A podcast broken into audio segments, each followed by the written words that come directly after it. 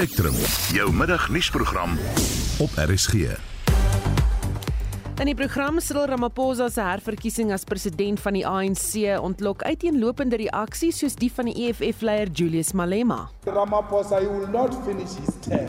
This guy is a delinquent president. We are going to fight him until he resigns because how can you sleep on a dollar mattresses when our people do not have water? Anders soos Wouter Wessels van die Vryheidsfront Plus is pragmaties. It is quite clear that the ANC remains a troubled and divided organization. Both candidates for president have scandals hanging over their heads. The victory of President Ramaphosa is, however, a huge blow to Zuma, Magashule, and their likes. En Nederland vra om vir koloniale wandade en spesifiek die slawehandel. Today I apologize. Vandaag bied ik namens de Nederlandse regering excuses aan voor het handelen van de Nederlandse staat in het verleden. Erkenning van het afschuwelijke leed dat generaties tot slaafgemaakten is aangedaan. Erkenning van en eerherstel voor al die mensen die in het verzet kwamen. En natuurlijk erkenning van historische verantwoordelijkheid. Welkom by Spectrum, die span is Hendrik Martin, Daitron Godfrey en ek is Susan Paxton. Daar is geen verkeer. In die Vrystaat op die R70 pad tussen Rosendal en Ficksburg was 'n trompopbotsing tussen 'n minibus taxi en 'n bakkie. Wees tog waaksaam as jy in die omgewing is, opruimingswerk is aan die gang. In die Wes-Kaap in Kaapstad op die N2 uitwaarts net voor Strandstraat is daar padwerk, die regterbaan is gesluit. In Gauteng op die N1 Noord net na die Linwoodweg afrit was 'n ongeluk, verwag vertragings. Steeds op die N1 Noord net voor die proefplaas Wisselaar was 'n ongeluk waarin verskeie voertuie betrokke is. Die twee regterbane word versper. Op die N12 Oos net na Komaruweg is daar padwerk en die regterbaan is gesluit. En in KwaZulu-Natal is daar tussen 1300 en 1400 voertuie wat per uur deur die Marion Hill tolplaza beweeg. In albei rigtings is daar druk verkeer. Ek is Marlie Skeepers as jy verkeersnuus het, stuur 'n SMS na 45889 teen R1.50 en begin die boodskap met die woord verkeer.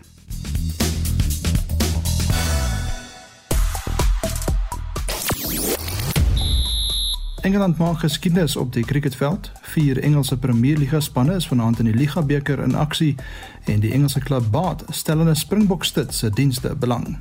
Ek is Shaun Jooste en is later terug met meer inligting. Mbalula is een van die gewilde gonswoorde op Twitter. Sosiale media gebruikers lewer uiteenlopende kommentaar oor die voormalige minister van vervoer Fikile Mbalula se nuwe posisie as die ANC se sekretaris-generaal. Een gebruiker skryf Mbalula is in baie opsigte 'n metaforiese voorbeeld van die ANC self. Totaal onbevoeg, totaal onbewus van sy onbevoegdheid en tog word hy meedoenloos beloon en bevorder. Sy opgang weerspieël die ANC se morele verval. Nou ja, en ons gesels ook oor alles en nog wat want dit is amper Kersfees. Jy kan dalk daaroor gesels. Miskien hoe lyk jou Kersboom?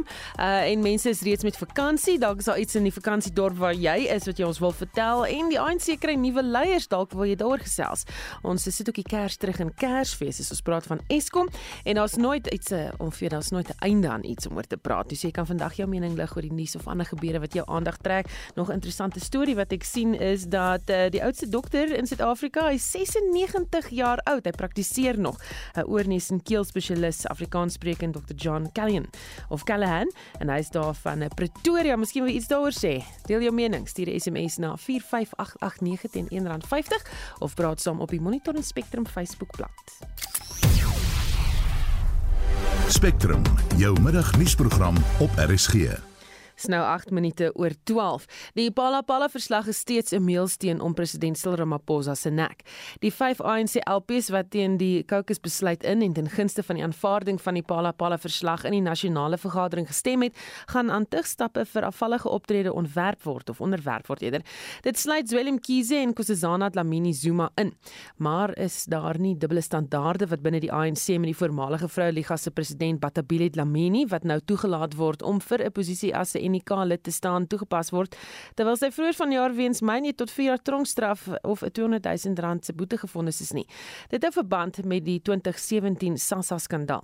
Die verkiesingskommissie het Lamini gediskwalifiseer om vir 'n posisie in die UNIK mee te ding en volgens die nuutverkose ANC sekretaris-generaal Fikile Mbalula is die besluit nou herroep. The National Executive Committee dealt with the issue of Batabile Dlamini, Comrade Bata, in relation to the ANC constitution. And a decision was taken by the National Executive Committee that uh, she will be allowed to stand uh, as a member of the National Executive Committee, of which that matter have been laid to rest and clarified with plenary. Nou ons praat nou met professor Dirk Coetzee, politieke ontleder van Unisa. Goeiemôre Dirk. Goeiemôre Susan. So bring 'n mens die kloutjie by die oortugstappe teen sommiges, maar 'n persoon met 'n vonnis agter hulle naam kan voortgaan om in partye te woeker. Ja, ek ek dink nie dis presies die vergelyking nie. Ek dink die vergelyking is tussen Batabili Dlamini en Tony Ngeni. Albei van hulle is gevonnis. Ehm um, en uh, in die geval van Tony Ngeni is dit baie lank gelede, omtrent 20 jaar gelede.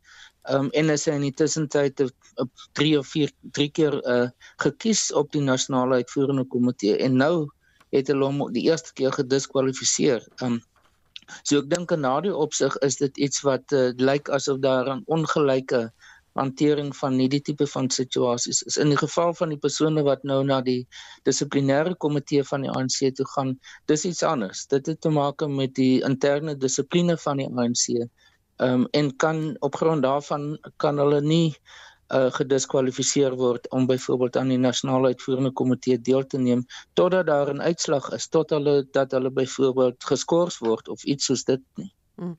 Wat van die opsy staan reël en mense soos Ysmagashule en dis meer? Wel dit bly nog steeds in uh in in van krag. Ehm um, Ek is nie presies seker oor wat die uitslag gaan wees van uh, die besprekings nou by hierdie konferensie nie, want dis een van die punte wat baie op die agenda was. Um, en ek verwag dat uiteindelik na hierdie konferensie sal ons hoor van wat die die finale posisie is wat die uh, konferensie ingeneem het oor hierdie uh reël wat eintlik uit die grondwet van die ANC uitkom. Maar dit sal ons moet sien, uh hoe hoe hoe spesifiek hulle dit in die toekoms gaan toepas. Maar dit bly 'n uh, kopseer vir die ANC omdat daar 'n gevoel is dat dit 'n uh, inkonsekwent en op verskillende maniere aan op verskillende men, uh, mense van toepassing gemaak um, is. Um, en dit die gevoel is dat dit eintlik polities gebruik word binne die ANC tussen verskillende groepe. Terug na die Palapala verslag, watter prosesse of stappe gaan gevolg word uh, teen hierdie 5 LPs waaronder Nkosazana Dlamini Zuma nou? Dit klink vir my dat dit in in die vorm van dissipline uh, dat hulle voor die dissiplinêre komitee van die ANC moet verskyn. Um en die besluit dan daar geneem sal word en dis en dit sal gaan nie so seer oor natuurlik oor die verslag nie. Dit gaan oor hulle optrede in die parlement. Um en die feit dat hulle die die besluit van die nasionale uitvoerende komitee die uitgaande een nou sowel as die parlementêre caucus geminnig het dat hulle nie daarvolgens opgetree het nie. Ehm um, en dit sal die dissiplinêre komitee sal moet besluit wat wat die sanksies gaan wees teen hulle. Nou die verslag is na die konferensie verwys en dit is nou na die nuwe leierskap verwys. Gaan daar ooit iets van hierdie verslag kom? Nee, dit ek dink nie so nie. In die die sleutelmoment wat dit bepaal het is verlede Dinsdag toe die parlement besluit het dat die dat die verslag nie verder geneem gaan word en dat die impeachment proses gaan plaasvind nie. Ehm um, saam daarmee is natuurlik president Ramaphosa se hersieningsversoek uh, by die uh, grondwetlike hof Ehm um, dit sou interessant wees om te sien of hy nadat dit nou deur die parlement verwerp is. Want dis hoe mense dit moet sien. Dit is nie net die ANC nie, dit is die meerderheid van die parlement het dit daarop besluit soos dit is 'n parlementêre besluit. Ehm um, maar of hy dit nog verder wil vat na na so 'n hersieningsproses toe. Ehm um, dan is daar uitstaande is nog die uh, openbare beskermer se se ondersoek. Ehm um, en die die valke is blykbaar ook besig om dit te doen. Ek dink nie ons kan verwag enige openbaarmaking in die geval van die van SARS nie. Hulle hanteer dit altyd as hulle maak nie so enige van hul ondersoeke bekend nie. Ehm um, en die een wat by die reservebank is dit moet ons sien uh, of dit uh, bekend gemaak sal word of nie. Maar die die sleutel van alles is is die is wat Dinsdag gebeur het. Dit beteken dat die die geloofwaardigheid van daardie verslag in 'n groot mate uh, onder verdenking is. Um, saam met president Ramaphosa se se um, uh, uh, die feit dat hy net na die grondwetlike hof toe geneem het Hmm. Op 'n ander noot, Dr Gwen Ramakgopa is verkies tot die ANC se eerste vroue tesourier, sy het in die volgende te sê gehad oor die huidige stand van die land se ekonomie. We want to be comforted by the fact that the size of the economy now exceeds the pre-pandemic levels. Real GDP measured by production in the third quarter is above the previous peak recorded in the fourth quarter of 2018. Inflation has softened to 7.4%, still high. And it is in this context that uh, we are also looking at how to reach out to those most distressed, including businesses, both big and small. Nou dokter Ramakgopa as 'n mediese dokter gaan sy die pyp kan rook Dirk.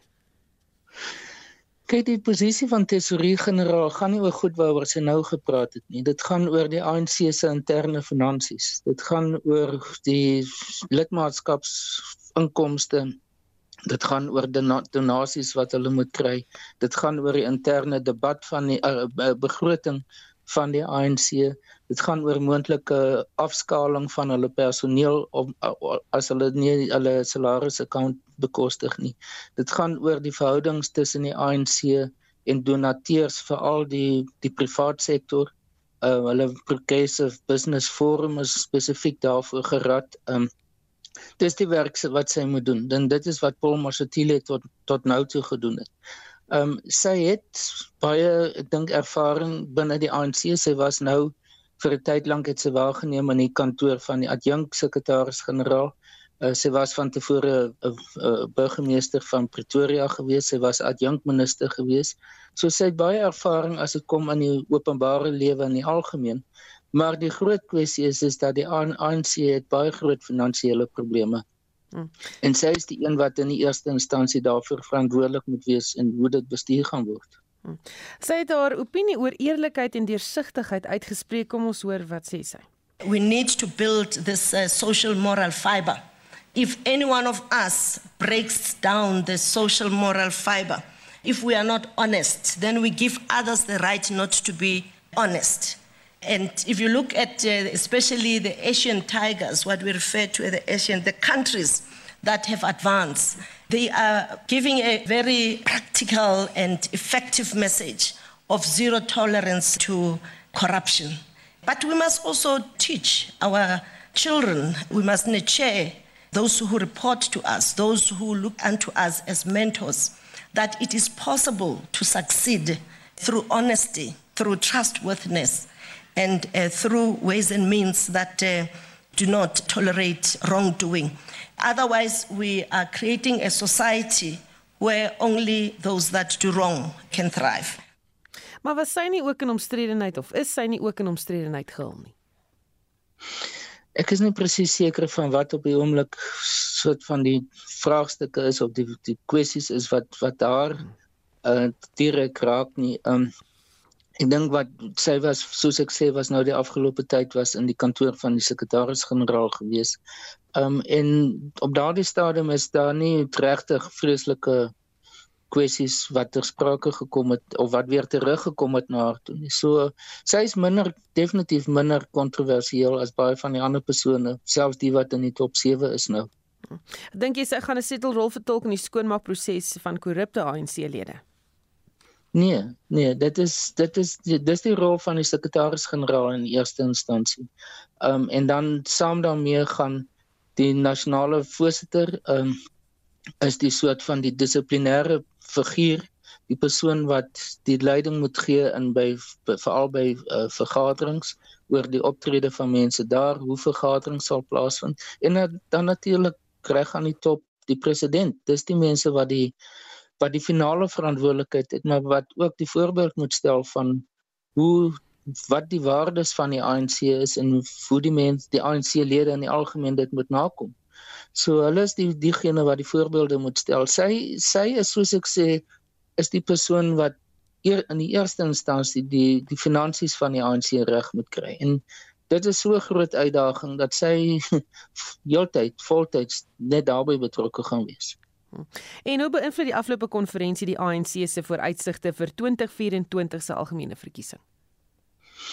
Ek dink nie regtig op hierdie stadium is daar 'n direkte impak daarvan nie. Dit is uh, ons sal mettertyd moet sien of hierdie nuwe groepering, leiersgroepering, nasionale uitvoerende komitee spesifiek of hulle meer uh, saamwerk as groep en of daar groot verdelings gaan wees binne die nasionale uitvoerende komitee. Hoe projekteer hulle dus die die ANC na die breër publiek toe? Is gaan daar 'n verskil wees in in die manier hoe hulle gaan optree, gaan president Ramaphosa meer om selfvertroue hê, gaan hy 'n nuwe kabinet relatief kort na dit aankondig, gaan hy die mense wat problematies is soos Lindiwe Sisulu en en Kusana uh, Lamini uh of sommer of hulle alles uitgehaal gaan word uit die uh kabinet. Dis die tipe van aspekte dink ek wat wat uh, moontlik 'n impak kan maak, maar die groot vraagstukke wat die impak op die verkiesing in die algemeen gaan hê, is goed soos Eskom, energie, beleid in die algemeen, dienslewering en dis nie aspekte wat werklik deur hierdie konferensie aangespreek is nie. Baie dankie. Dit was professor Dirk Coetzee van die NISA se departement politieke wetenskap. Die ANC se 55ste nasionale konferensie loop vandag ten einde. Intussen sê sommige inwoners van Nasrek en Soweto in Johannesburg waar die konferensie gehou word, dat dit niks vir hulle beteken nie. Justin Kennerly het meer. Die SAIK het met jong mense gepraat wat in die omgewing bly. Gesinne moet daagliks tot 8 ure se kragonderbrekings verduur en jong mense kry nie werk nie. Baie van die mense sê hulle het besluit om nie die gebeure by Nasrek te volg nie en sal selfs nie in die volgende verkiesing gaan stem nie. Bruce Maputuma vertel waarom hy so voel. The truth is, I mean, I'm not following, so I'm not voting. Because of financial voting, I don't get a job and I vote. Die 30-jarige Lesego Bokala sê hy het wel gekyk na wat tydens die ANC-konferensie bespreek is. Hy is gefrustreerd omdat hy nog nie gehoor het van kwessies wat verband hou met en wat jong mense raak nie. We are being angered, you know. There's infusement of anger inside because things are still not getting okay. We're born into this world, into this whole issues, and it looks like everything is still the same. It all moved from physical to psychological. Daar is egter mense wat die geleentheid gebruik om geld te verdien. Die 63-jarige pensionaris, Eli Maema, het haar huis oopgemaak vir afgevaardigdes. Hulle kan daar slaap en vergaderings hou terwyl sy ook vir hulle kook. Maema deel die huis met haar werklose kinders. I'm just happy to have people in my house. I'm benefiting to have them. And I mean, I'm going to the next time. Very very Ek het vir hulle my bed aangebied en ek het op die vloer geslaap. Ander afgevaardigdes het ander slaapkamers gebruik terwyl ander in die motorhuis geslaap het. So all is well. Restaurante in Willakasiestraat in Orlando Wes in Soweto trek ook voordeel uit die ANC afgevaardigdes.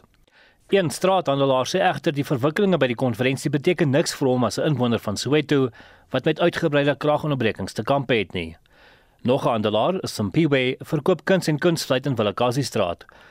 Hy sê hy sien net ANC afgevaardigdes wat kom eet en drink, maar koop niks by die handelaars op straat nie. Ah, uh, they just come, they break for us. They put the expensive wines and and champagnes and bottles lapha bumasakums what what ithina mfethu asiphetanga izinto ezibhale ANC maybe Hierdie verslag van Seppo Pagane en ek is Justin Kennedy vir SI Garnis. Van die afgevaardigdes by die konferensie het na die tyd hulle verligting met die uitslag uitgespreek. As a member I have hope now for the country really. We're so frustrated but after Cyril has won community members everybody have hope in Israel to deal with these things of corruption. And we're very proud that our president came back and also happy about the SG, Fikile Mbalula. Uh, you know, yesterday it was touch and go, man. I nearly didn't come back here today. I was sleeping out. My heart was sore, really, because when I looked at things yesterday, it seemed like Ramaphosa won't emerge. How things changed, no, I was disappointed in certain of our leaders. Last minutes, they just swung their vote. And by virtue of that, I thought, ah, no chance for Ramaphosa. This morning when I woke up with, you know, hope, and when things started leaking, ah, I saw new hope for this country. He needs a second term. We need security now. We need certainty. The whole world was watching this. En so sê afgevaardigdes by die ANC se pas afgelope konferensie wat by Nasrek in die suide van Johannesburg gehou is. Ons bly by die politiek. Die stryd vir die hart en siel van die Ditsabotla munisipaliteit is steeds aan die gang. Dit nadat die ANC sy meerderheidsstem in die munisipaliteit aan die EFF verloor het na die afgelope tussenverkiesing.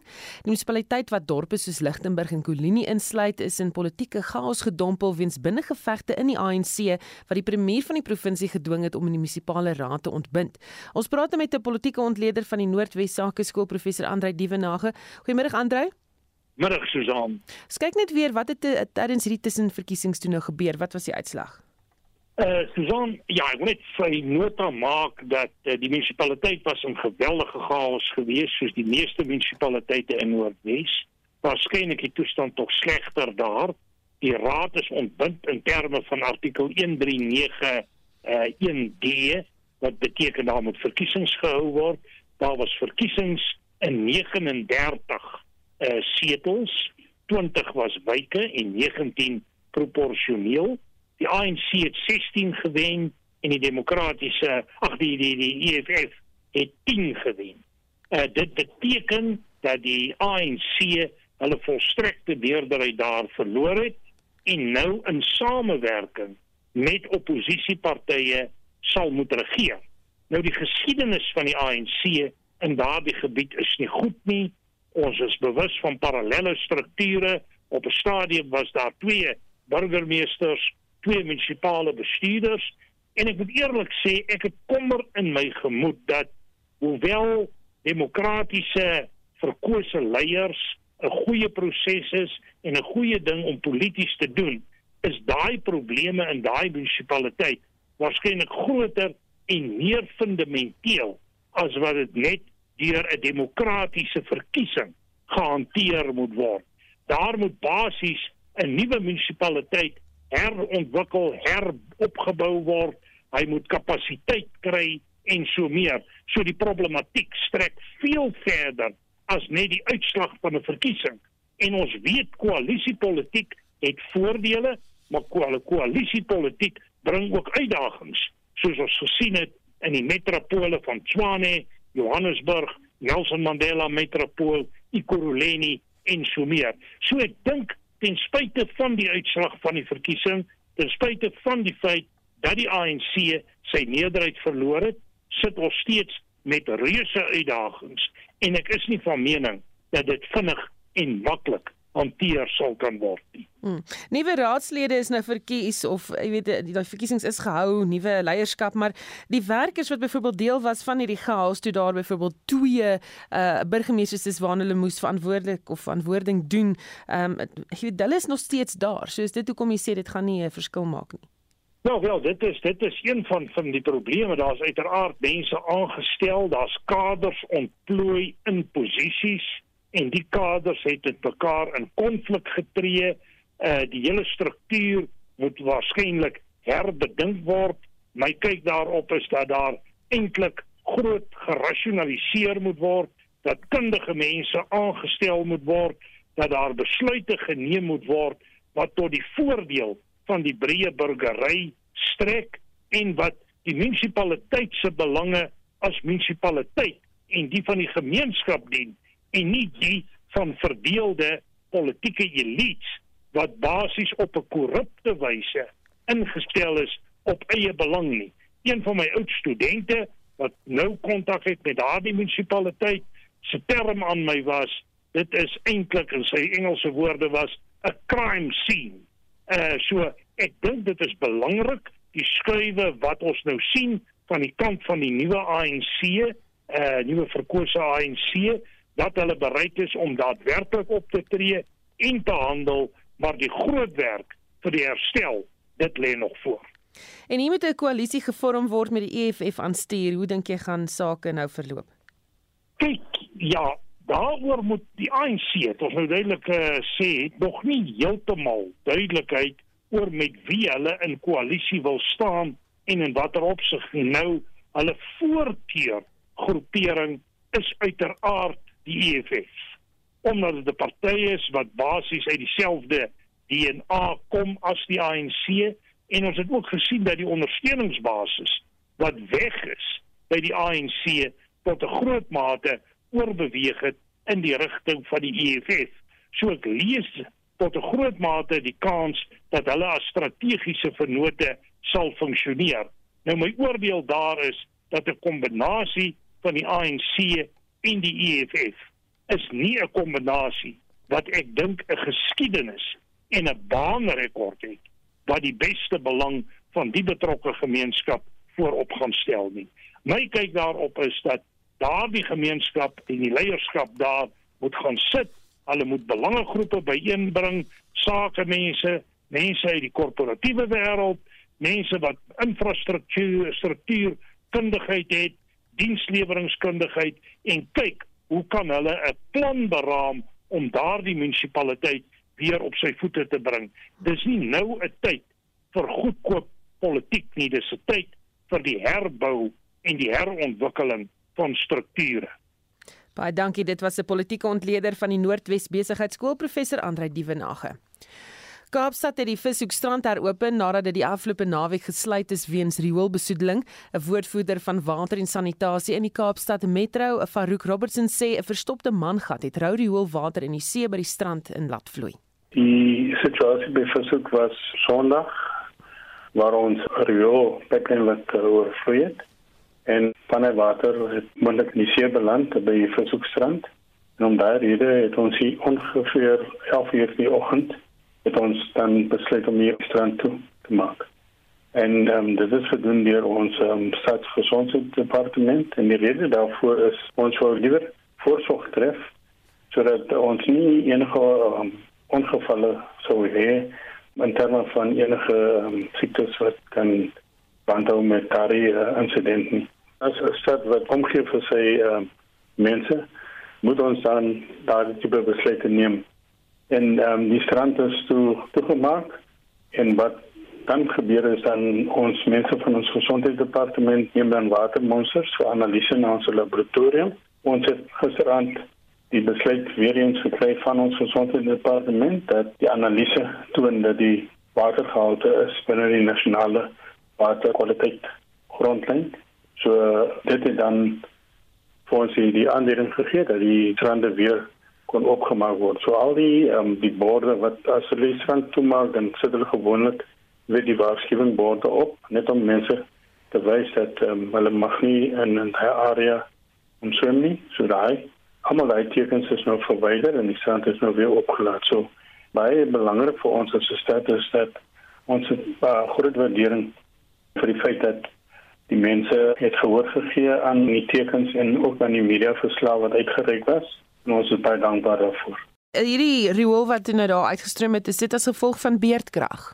In hierdie geval nee, dit was net 'n geblokkeerde drein en en die groot ding weer eens in terme van ons rioolstelsel wat baie belangrik is dat mense net uh, asseblief gehoor gee aan die tipe goed wat nie in daardie dreine moet beland nie. En die stad het 'n hele klomp uh, inligting in terme van wat nie toegelaat is om af van die rioolpype te gestort word nie want dit veroorsaak uh, of gesondheidsprobleme, menslike gesondheidsprobleme of dit gaan um, die omgewingsgesondheid ook um, aantas. So ons doen weer eens net 'n beroep op ons inwoners om asseblief die rioolstelsel gebruik soos dit moet en nie enige goed wat in 'n rioolblik moet wees om daarin te stort nie. Dit was 'n woordvoerder van water en sanitasie in die Kaapstad Metro, Farouk Robinson. Jy luister na Spectrum. Op RSG. Nog 'n nuus verkeer op die pad tussen Leeugamka en Prins Albertweg in die Karoo word ontwrig na 'n ongeluk waarin by 3 minibus taksies en 'n vragmotor betrokke was. Voorlopige verslae lui dat een persoon in hierdie botsing dood is. Ons wag nog op die verslag oor die voorlopige oorsaak en aantal beserings. 'n Stop en ry is in plek, maar vertragings kan verwag word. Ons versoek padgebruikers om geduldig te wees. In Nederland vra om verskoning vir koloniale wandade en spesifiek die slawehandel. Today I apologize. Vandaag bied ik namens de Nederlandse regering excuses aan voor het handelen van de Nederlandse staat in het verleden. Erkenning van het afschuwelijke leed dat generaties tot slaafgemaakten is aangedaan. Erkenning van en eerherstel voor al die mensen die in het verzet kwamen. En natuurlijk erkenning van historische verantwoordelijkheid. Bly ingeskakel. Daar is geen verkeer. In die Wes-Kaap op die N2 inwaarts by Mowbray Mynweg is daar padwerk. Die regterbaan is gesluit vir wagvertragings. In Gauteng op die N1 Noord net na die Linwoodweg afrit staan 'n voertuig wat een van die binnebane versper. Op die N12 Oos by die Galulies wisselaar staan 'n voertuig wat die linkerbaan versper. In KwaZulu-Natal op die N3 Oos net na die Dr Chota Mutala weg afrit, die pad is gesluit weens 'n stilstaande voertuig wat die pad versper. Ek herinner dan net aan die ewige verkeersopeenhopings op die N3 by die Marion Hill Toll Plaza. Jy kan daar vertragings verwag. Ek is Marlie Skeepers en dit was die verkeersverslag vanmiddag op Spectrum.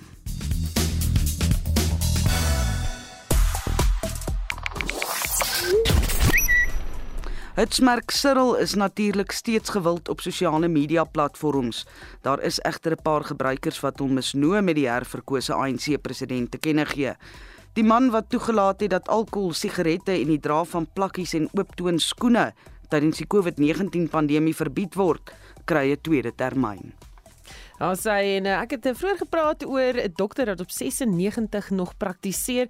Christa van Brits wat sê goed vir die bejaardes dat hy nog so flink en fliks is en nog 'n luisteraar wat sê hoe wonderlik is dit om op 96 nog te praktiseer. Hoeveel ervaring en kennis is daar nie? Niks klop ervaring ooit nie. Ek sal beslis na hom toe gaan. En dan is daar 'n luisteraar wat 'n baie lang SMS gestuur het. So gaan probeer dit om alles te lees van die skerm hou aan oorslaan, maar ek het totaal op hom verlief geraak. Ek het ingelig daar uitgestap en presies verstaan hoe en wat wit verpligtinge is na baie ander dokters se raad wat nie gewerk het nie. 'n Luisteraar wat sê sy is in 2020 na hom toe. Uh, sy sê die ander dokters het onverstaanbare verduidelikings gehad en saam met sy personeel tussen wie mens kon sien net 'n ander tipe omgee, respekvolle verhouding heers, het ek soos 'n eregas gevoel. Dit was baie moeilik om sy ouderdom te glo. Toe sy ontvangs daarmee trots daarmee spog in antwoord op my dankbetuigings en uh, sy sê jy's 'n liewe dierbare slim begenadigde eyster dokter John Callan en uh, doen so voor dis liefde so net Venter wat so sê en dis nou natuurlik die storie wat ek vroeër genoem het oor uh, hierdie dokter. Hy 96 jaar oud, lyk vir my die oudste praktiserende dokter in Suid-Afrika en hy's 'n oorneus en keel spesialis van Pretoria. En uh, sê hy voor sy spreekkamer skryf die skrywer dit sê 'n man ontmoet wat al 55 jaar lank 'n pasiënt van hierdie geliefde geneesheer is. So jy kan 'n verhouding opbou met so 'n dokter en in in ja, kan jy dink al daai kennis wat hierdie man moet hê. Maar gesels saam oor enigiets, waar ook al jy is, uh, stuur vir SMS of praat op die Monitor Spectrum Facebookblad. Shaun Jose die jongste sportnuus. Op die cricketveld het Engeland die eerste toetsspan geword om skoonskip in en teen Pakistan te maak toe hulle die derde en laaste toets van die reeks vanoggend met 8 paaltjies gewen het. Engeland het dag 4 op 112 vir 2 begin en het slegs 55 lopies nodig gehad om geskiedenis te maak. Hulle eindig op 170 vir 2. Harry Brook is aangewys as speler van die toets en die reeks. Hy het 468 lopies oor die drie toetse bymekaar gemaak. Dan herinner ons graag dat die tweede van drie toetse tussen Australië en Suid-Afrika eerskomende maandag 26 Desember in Melbourne begin. Australië loop 1-0 voor na oorwinning van 6 paaltjies in die eerste toets. Op die IKR se 2021-23 toetskampioenskap punte leer is Australië gemaklik voor met Indië tweede, Suid-Afrika derde en Sri Lanka vierde. Dan kyk ons ook na die plaaslike eendag punte leer. Die Lions is onoorwonde en staan op 20 punte. Die Westelike Provinsie, Northwest Dragons is tweede en derde op 16 en die Titans vierde op 12 punte. Op die sokkerveld is vier Engelse Premier Liga spanne vanaand in die Ligabeker se vierde ronde in aksie. MK Dons verwelkom Leicester City, Newcastle United kom teen Bournemouth en Southampton teen Lincoln City te staan en dan speel Wolves ook teen Gillingham. Al vier wedstryde skop kwart voor 10 af. En laastens in rugbynuus, volgens berigte in die media stel die Engelse klub Bath in die Springbok en Sharks stad Thomas de Toey se dienste belang. Die 27-jarige de Toey was kaptein van die Sharks, maar moes die leierskap aan Sia Kolisi oorhandig toe Neil Pell as afrigter oorneem. Volgens die berigte is die onderhandelinge reeds in 'n gevorderde stadium en dit was Shaun Jooste. Jy luister na Spectrum op RSG. Die pad tussen Leeugamka en Prins Albert weg in die Karoo is vroeër gesluit weens 'n ernstige botsing vanoggend. Drie minibus taksies en 'n vragmotor was in die botsing betrokke. Ons praat nou met 'n woordvoerder van die Wes-Kaapse Departement van Vervoer, Jandrey Bakker. Goeiemôre Jandrey. Goeiemôre Susan. So wat is die jongste wat betref die botsing? Ehm um, daar is nou heidaglik nog 'n uh, stop en ry in in plek op die oomblik. Ons ons ons weet nie presies wat gebeur het nie. Gelukkig en dit klink nou alklik om te sê gelukkig, maar ons is verlig om te sê dat daar slegs een sterfte in die in die voorval was. Dit is 'n baie besige pad en dit is die hoofpad wat die Weskaap met ander provinsies soos Gauteng, Oos-Kaap, Vrystaat verbind en dit vat baie baie verkeer op hierdie stadium. Uh, ek het gister daai pad gery nadat ons padblokkades daar gehou het in die in die algemeen gebruik mense die pad baie verantwoordelik, maar dit is omdat daar verskriklik baie openbare vervoer is dat die ehm um, die die moontlikheid van so 'n insident hoog is op daardie pad. So is daar meer, uh, jy weet, voertuie wat uh, passasiers vervoer en vragmotors, is daar meer vragmotors op die pad? Vragmotors op hierdie stadium maar openbare vervoer verskriklik baie ons kyk na veral wat uit die provinsie uitbeweeg, dan kom hulle weer leeg terug in die provinsie in. As ons kyk na gister se getalle het ons op 'n stadium hier by 2000 voertuie per uur gehad wat deur die Dorings beweeg het waarvan dan 1200 op die Aberdeenpad. Dis die roete na die Oos-Kaap toe is. So dis en dis meestal uh, openbare vervoer wat daai wat daai roete gebruik. So dit is baie hoog swaar motorvoertuie of vragmotors nie soveel op hierdie stadium daar's 'n paar uh, maar ons het hulle mos nou maar nodig om seker maak die winkelrakke bly vol. Mm -hmm. En hoe gedra motoriste hulle op die paaie die jaar? Ongelooflik goed as 'n mens kyk na die en ek weer eens ek raak nou hier aanhou is my kop en so aan um, maar op hierdie stadium uh, nog redelik goed. Ons het nie groot insidente gehad nie. Vanoggend sin was die grootste sover um, wat wat openbare vervoer betref. En wanneer ons praat van 'n groot insident is dit wanneer daar openbare vervoer in die insident betrokke was of vier of meer sterftes betrokke was. Wat wel vir ons 'n bietjie van 'n probleem is, ek kom nou van die R44, daai sluiting tussen Gordons Bay uh, en die uh, en uh, Royal Springle Bay se kant toe waar mense eenvoudig die padsluitingsborde uh, verontagsaam en probeer deur 'n uh, werkspasie beweeg. Ons probeer ons bes om die pad oop te kry, maar elke keer wat daar 'n voertuig homself deurdring, vertraag dit ons operasie aan daai kant. Hmm. Baie dankie. Dit was 'n woordvoerder van die Wes-Kaapse Departement van Vervoer, Jandrey Bakker. Buitelandse nuus: Die Nederlandse eerste minister Mark Rutte het gister amptelik namens die staat om verskoning gevra vir die land se geskiedkundige rol in die slawehandel. Daar's egter diegene wat ontevrede is oor die verskoning omdat hulle voel die regering is nie ernstig daaroor nie. Solidariteit se hoof van internasionale skakeling, Jaco Kleinhans, het aan Madeleine Forsie gesê, Nederland het heelwat ekonomiese voordeel uit 250 jaar van mensenhandel geput tussen die 17de en 19de eeu. Dit was ook die goue eeu in Nederland gewees. Nou die Nederlandse regering het die afgelope tyd 'n ondersoek gelei oor sy eie hantering van slawerny, ook slawehandel en hoe Nederland uiteindelik na die afskaffing van slawerny dit hanteer het. En uh, die rede daarvoor is natuurlik dat dit volgende jaar op die 1 Julie presies 150 jaar sal wees sedert die afskaffing van slawerny. Dit is 'n toespraak volg juis op hierdie verslag en besoeke aan vorige kolonies word volgende jaar beplan hierdie Europese lande probeer om 'n soort van bestekopname te maak oor presies wat dan nou die nalatenskap van slawerny was. Die probleem met hierdie argument wel is dat slegs een deel van die globale slawerny geskiedenis hierdie regtig uh, behoorlik aanskou word. Die, die groter uitdaging is om die volledige prentjie van wat slawerny behels het, wie almal daarbey betrokke was, watter rol sekere Afrika lande gespeel het, lande in die Midde-Ooste ook gespeel het om dit alles in te sluit Rutte het egter in sy toespraak gisterand nie na Suid-Afrika verwys nie. Die fokus was veral gewees op Suriname, die Karibiese eilande en tot 'n mate Indië en baie interessant dat Suid-Afrika tans natuurlik nie vreeslik sterk deel uitmaak van die hele gesprek van Nederland se kolonialistiese en slawehandel verlede nie. Kleinans het kontak met van die land se parlementslede. Die gevoel is dat die groot uitdagings tans in Nederland soos die res van Europa leme is met geweldige stygings in lewenskoste, die inflasie, die energiekrisis wat Nederland ook baie ernstig raak. Daar is 'n geweldige toename in armoede. Dit is omdat mense nie hulle elektrisiteitsrekening en hulle verhitting kan bekostig nie en gegee dus die huidige uitdagings is daar 'n vraag oor die tydsberekening en of dit nie 'n bietjie uitgestel moes word nie. Die onsekerheid oor hoekom die besluit geneem is, is duidelik sigbaar in verskillende politieke groeperinge. Aan die linkerkant van die politieke spektrum was daar aan die een kant 'n gevoel dat koning Willem-Alexander hierdie verskoning moes aanbied omdat die koningshuis natuurlik redelik direk betrokke was by die hele vraagstuk van kolonialisme en slawerny en dat die uh, eerste minister dus nie die persoon moes wees wat wat hierdie toespraak moes lewer nie. Aan die ander kant was daar 'n gevoel gewees dat die verskoning aangebied moes word in een van die voormalige kolonies soos byvoorbeeld Suriname.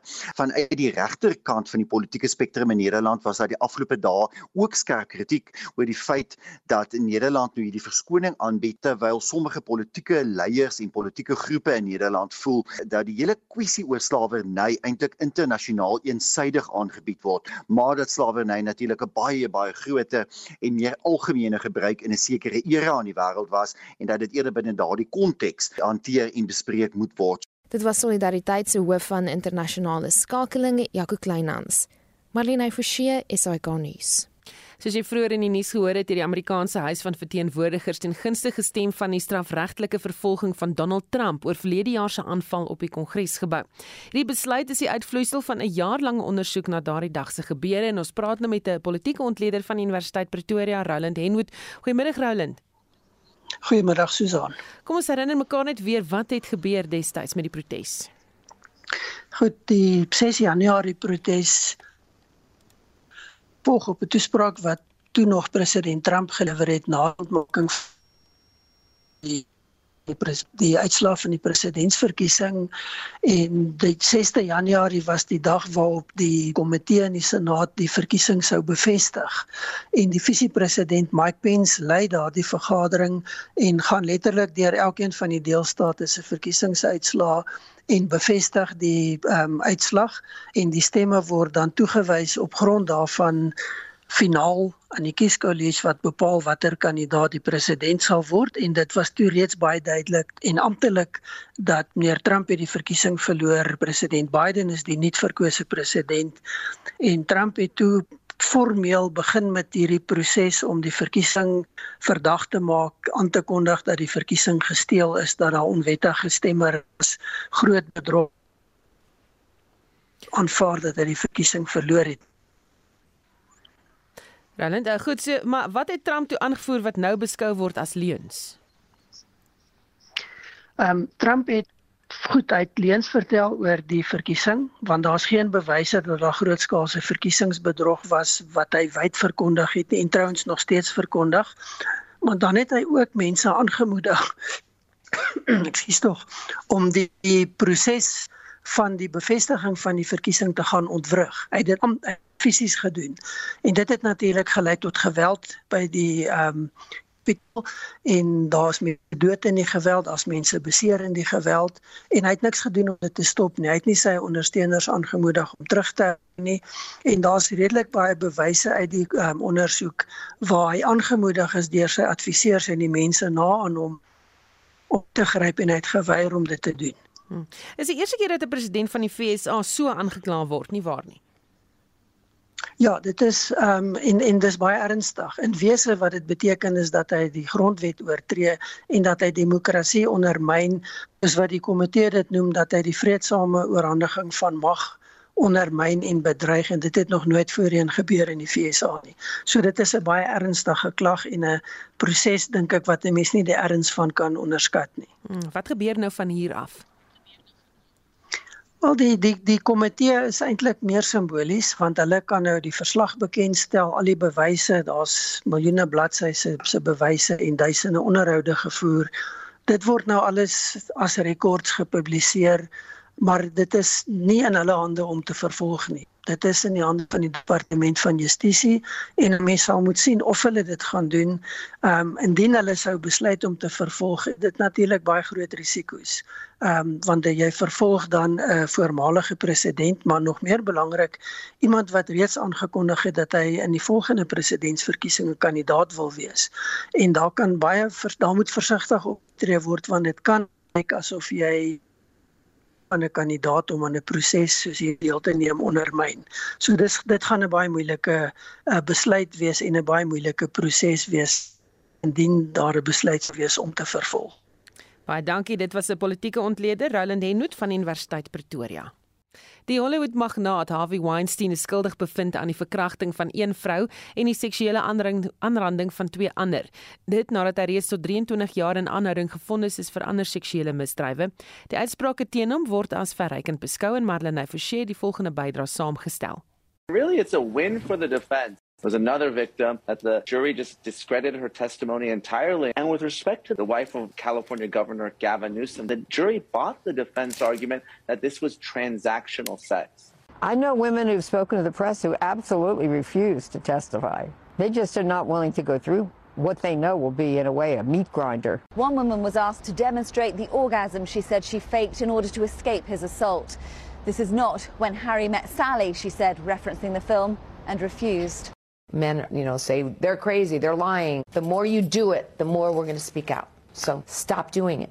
Ek is baie tevrede dat hy wel skuldig bevind is want dit wys ook die ernstigheid van die oortredings wat hy begaan het en jy weet dit is so 'n hoë profiel persoon en ek meen dit het lank gevat dit is van 2017 af so dit is 5 jaar So sê professor Amanda Gous aan die Stellenbosch Universiteit se departement politieke wetenskap om te getuig teen een van die magtigste mense in Hollywood was nie maklik nie.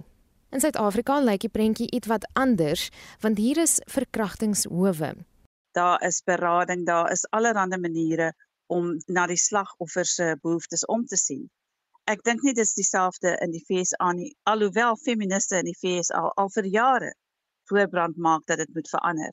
Weinstein is reeds in aanhouding. So is dit nodig dat nog sake teen hom aanhange gemaak word en sy vonnis verleng word.